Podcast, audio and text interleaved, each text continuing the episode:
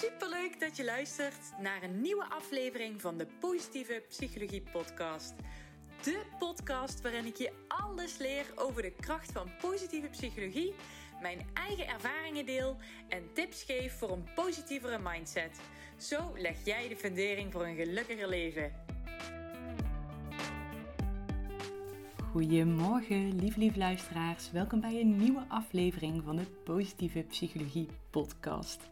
Zoals je weet uh, ben ik uh, de afgelopen maanden door een best wel heftige uh, situatie privé heen gegaan. een relatie verbroken, verhuisd.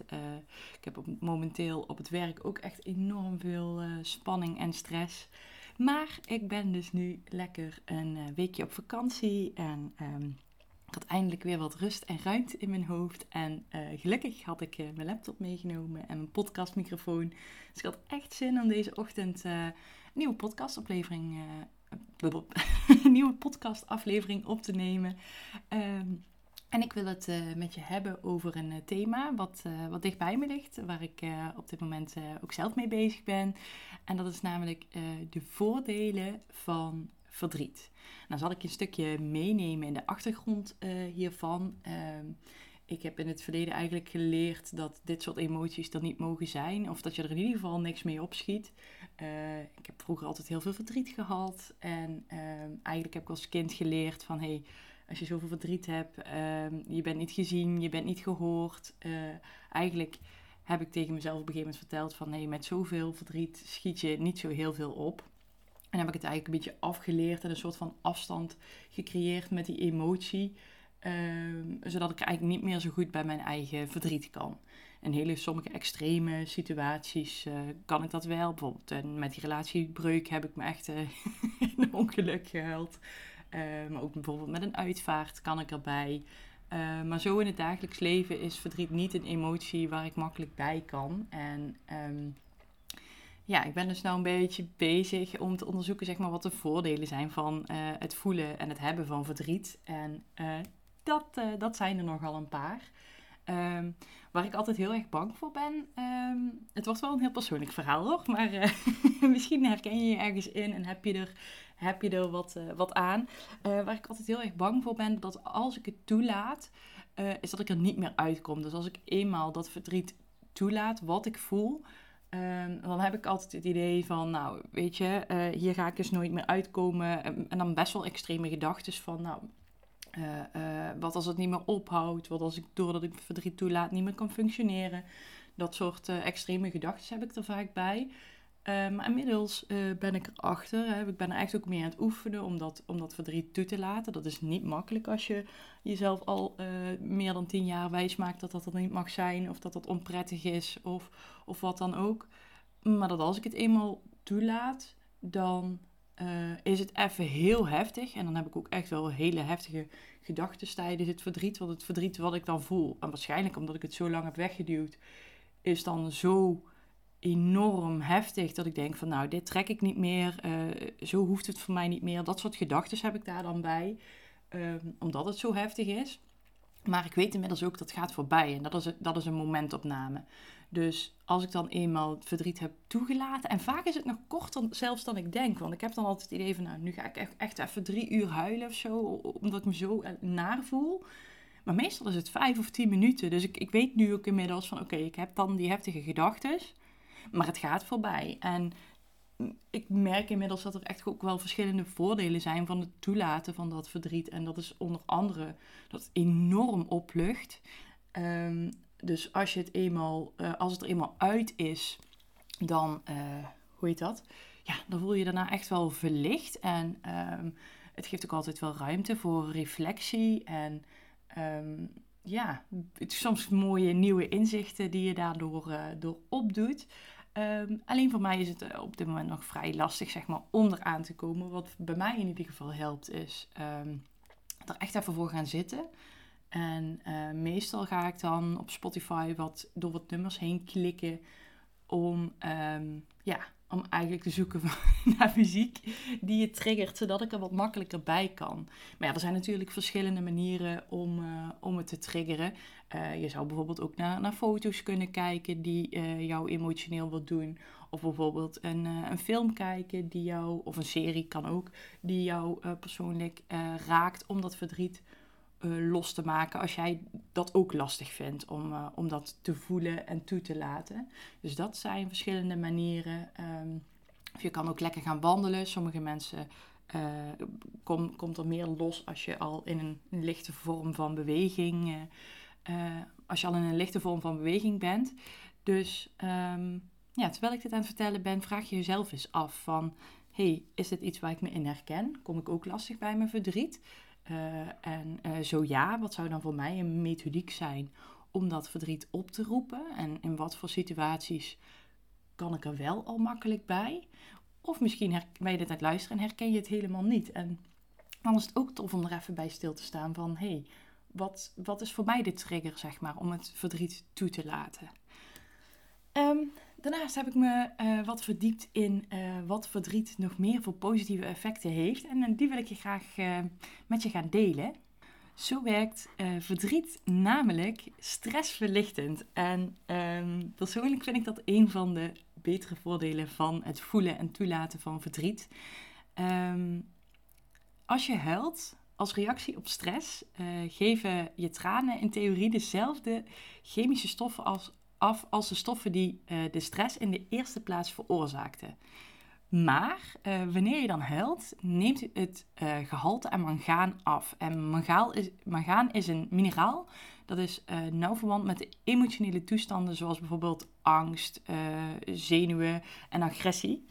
En huilen verlaagt daarbij ook je adrenaline en noradrenaline. Stoffen die je meer afscheidt in uh, een stressvolle of in een gevaarlijke situatie. Dus het mooie daaraan is, dus als je het verdriet toe kan laten, als je stress hebt, dan uh, krijg je dus eerst een piek van hetgeen wat je dus eigenlijk los wil laten. En daarna neemt dat allemaal af. En dat is ook uh, hetgeen wat ik net ook in het begin benadrukte, dat is dat gevoel van, van opluchting, van loslaten. Omdat je dus letterlijk die adrenaline en noradrenaline loslaat. Een ander voordeel van uh, het tonen van verdriet, of in dit geval dan huilen, is dat, dat je daarmee bewust, of misschien zelfs onbewust, uh, eigenlijk een, een, een roep om empathie doet.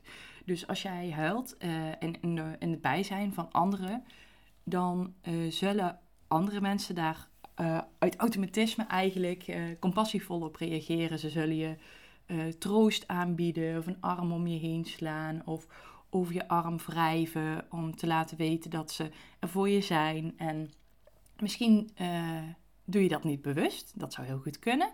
Het kan dus zijn dat jouw lichaam dus onbewust in een bepaalde situatie gaat huilen, zodat jij eigenlijk, om, om, om eigenlijk aan te geven van hé, hey, ik heb een knuffel nodig, ik heb aandacht nodig, um, troost mij. Dat kan ja, een roep om troost, zo zou je het ook uh, kunnen noemen. En misschien doe jij het zelfs wel bewust.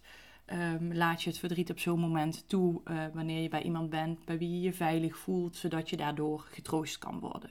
Dus um, het kan dus ook een voordeel zijn, dus door het verdriet toe te laten, door daarmee de troost te ontvangen die je op dat moment eigenlijk nodig hebt. Een ander voordeel van het uh, toelaten van verdriet of, of het fysieke huilen is dat het altijd uh, voor nieuwe inzichten zorgt. En dat tipte ik in het begin van de aflevering eigenlijk ook al, uh, ook al aan. Voor mij um, was het, het, in ieder geval het allereerste inzicht dat, dat hoe heftig het ook is, het voorbij gaat en dat het oplucht. Dus dat is het inzicht wat ik globaal opdoe. Maar er zit ook altijd iets van, van lering in, of een stukje verwerking. misschien ben je bepaalde, heb je bepaalde heftige dingen meegemaakt en, en ben je dat in je verdriet aan het verwerken. Dus eigenlijk is dat altijd iets heel erg waardevols. Maar het kan ook zorgen voor nieuwe inzichten. Want voor hetzelfde geld uh, ben jij uh, door iets getriggerd of heb je iets meegemaakt. En door dat verdriet toe te laten, krijg je er in één keer een, een, een andere invalshoek op of een ander inzicht. Of uh, kan je de situatie misschien wel beter van een afstandje bekijken. Of begrijp je het misschien beter waarom het je zo heeft geraakt. Dus daarom is het toelaten van dat verdriet zo waardevol. Omdat het weer wat, uh, ja, wat dingen eigenlijk wat meer in perspectief zet. Dus, zoals je hoort, samengevat is uh, verdriet en het toelaten daarvan eigenlijk heel erg waardevol. En uh, eigenlijk vind ik het heel erg jammer en misschien eigenlijk ook wel verdrietig dat ik het zo lang van me heb weggeduwd. Om, omdat ik bang was om te voelen, omdat ik de meerwaarde er niet van, uh, niet van zag of niet meer van zag. Omdat het me ook eigenlijk niks meer bracht. Um, maar ja, dingen kunnen veranderen. En uh, ik denk juist dat het heel erg goed is om weer in contact te komen met je gevoel. En um, dat is zeker niet makkelijk. Je hoort ook mijn uh, eerlijke worstelingen en strubbelingen daarmee die ik met je deel. Maar het is wel echt iets heel goeds. En um, we spreken toch vaak over positieve en over negatieve emoties. Uh, en ik, ik ja, ik ben ook geen heilige. Ik denk ook wel eens dat ik verdriet en kwaadheid en dat soort zaken onder negatieve emoties heb geschaard. Maar um, eigenlijk is het gewoon neutraal.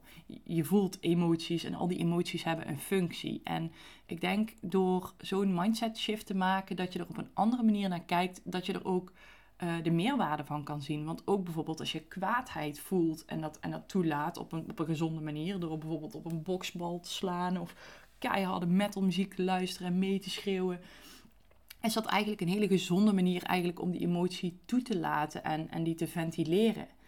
En ehm, als jij bijvoorbeeld een, een, de emotie kwaadheid of woede, als je die blijft onderdrukken, nou ja, dan krijg je weer hè, de drijvende bal uh, op het water die je onder water aan het duwen bent. En dan komt het er echt op een keer een heel, op een hele ongelukkige manier, of een heel, ongelukkig moment, dan komt het er in één keer uit. Dus um, kijk eens naar wat voor emoties jij voelt. Um, dat is een hele moeilijke vraag, maar uh, ja, ik zou zeggen, onderzoek het eens de komende paar dagen. Van wat voor emoties poppen erop en op wat voor manier ga je daarmee om? En als je merkt dat je ergens misschien op een ongezonde of minder gezonde manier mee omgaat, hoe zou je die emotie dan wel de ruimte kunnen geven en, en, en te ventileren. En wat probeert die emotie jou eigenlijk te vertellen? En die emoties die willen sowieso gehoord worden, ze zijn er niet voor niks. Dus welke emotie mag bij jou wat meer ruimte hebben? En ik denk dat dat wel iets heel tofs is om, uh, om te onderzoeken. Nou, genoeg uh, food for thought lijkt mij. ik, uh, ik hoop dat je wat aan de tips in de podcast hebt gehad. Of dat het je in ieder geval nieuwe inzichten heeft gegeven. En zoals altijd bedank ik je ook vandaag echt enorm voor het luisteren. Dank je, dank je wel. En uh, tot de volgende keer. Heel erg bedankt voor het luisteren. Mocht je deze aflevering interessant hebben gevonden, maak even een screenshot, deel het in je story en tag me op Instagram. Mijn accountnaam is Eline Verbeek underscore online coaching. Zo gun je ook anderen een positieve mindset. En ik vind het heel erg leuk om te zien wie er allemaal geluisterd hebben. Tot de volgende keer!